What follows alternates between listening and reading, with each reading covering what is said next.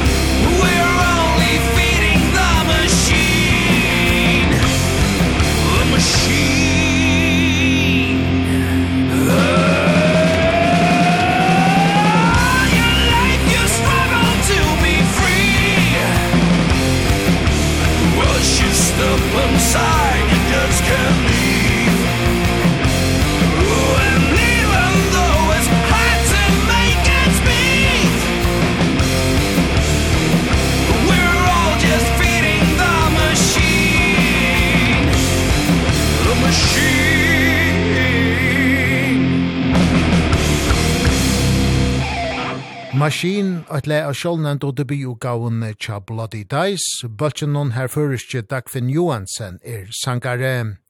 Hendan fyrsta rønden tja Bloody Dice var tøk i april, og møttøkan hever vere opera go. Møttøkan har vært øyla go, må man sige. Det finnes ikke nekst go om alle i forskjellige bløvun.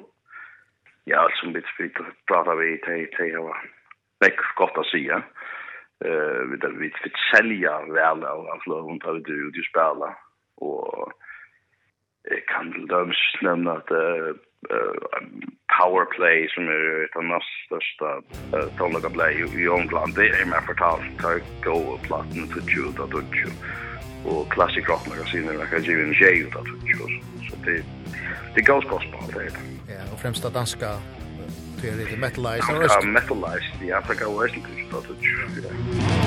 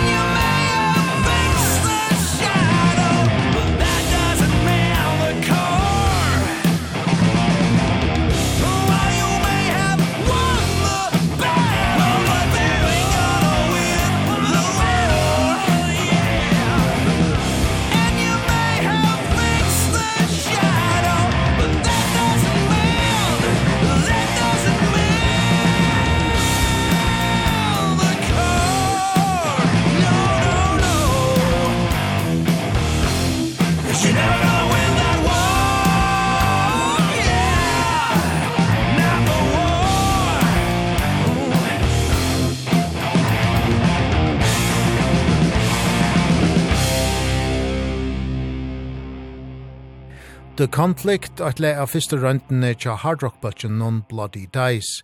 Debi og gava torra vær tøk i april. Og i kveld tåsa vid vi Dagfinn Johansen, åtta mannen ui just Bloody Dice. Og så vi kom inn, inn og skrive tilgångna. Hva uh, gong det fyrir seg? Da vi skriva av til lesaplaten ta var det øyne nek gitarristen og trommespillaren som, uh, som kom fram vid vi løven og altså sikken og tar tar bare bare fer og vi venker väl samman og så och så kör og andra filmer og videre hva det hendte og tar upp tog allt med andra andre och så så lustar jag till för någon og, och och prova att finna på akust så här skjer vi det samman eh nu har vi så finns ju en, en annan som spelar där. Vi har haft en liten skift i mannen nu eh, han är så kan säga sin rörelse tonlager kan man säga och nu har det varit Moira kanske gitarrspelaren som har sitter vid vid det ensam alltså vid det nog jag till fem där just och så har vi så just text melodi. Gonna take every chance gonna spend every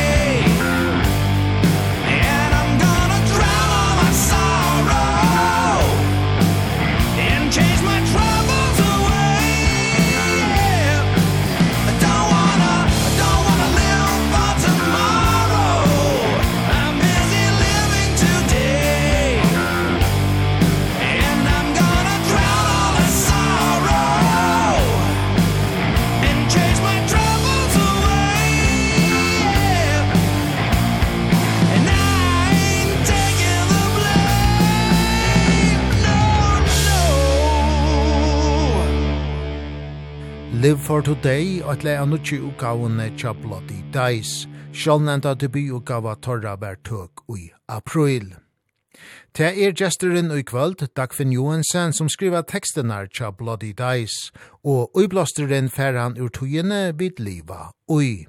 Og så kommer til tekstenar, hva er det uh, av et tema eller, eller konsept? Det er ikke konsept, det er det ikke. Men uh, tema, det var det ikke. Det, det, det, ta fer öle ofta i vi forskjelligt som uh, som man kanske kan vara uh, sindra nog vi vi, vi samtalan och och ja politiker och forskjelligt så hårt det det var ju ofta för ju det och om året och, och ja i som som är fyrgångs i världen som som mycket mycket gott.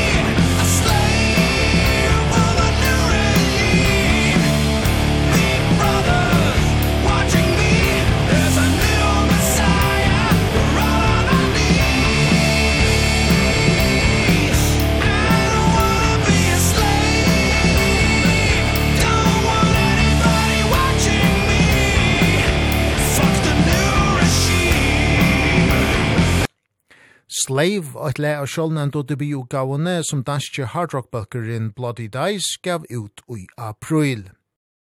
Det er alt sjåa platefellet Onion Records som gjøver ut, og sambandet vi platefellet kom i le og jøknen ombudsmannen tja Bloody Dice, namnframma Ken Anthony.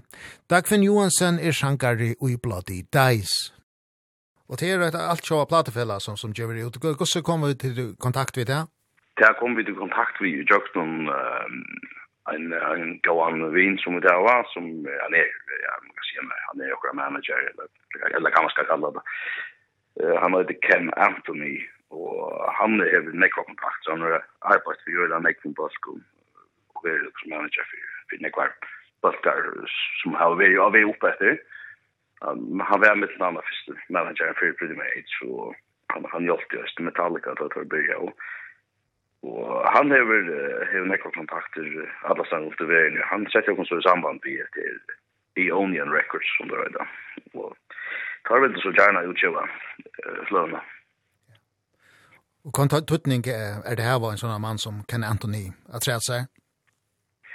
Halt at ta oppbrokken er det alltid. Han, han hever et, et nekstørre nettverk enn hva vi til var så det kastar forskjell där så alltså vi då finns ju jag till forskjelliga booking alltså att få konserter lömmer sig upp i nischna för för Ronnie Atkins så blir det nu är det nu på mamma och och forskjelligt alltså han gör pratar med praktiskt och lyssna så så jag det det tar det över det över stan Ja. Och till det är öliga skönligt har man sett det man är festivalen så så jag vet lever men vi lever jag kan vi tycker att mest är det någon och och, och t-shirts och alltså det det är en större utnyttning över skönlig ja det är det ja. Kan vi det rätt att att fokusera sig på att att matchen för det. låg och hela kan man säga och det är skönligt ja. Och och det är till bushes ja. Att att det är några så rycker för och folk köpa eh ofta för t-shirts och ikver og kosta så inn og man ser det snart ut i Nåttaløynen, og er konserter som man ser til.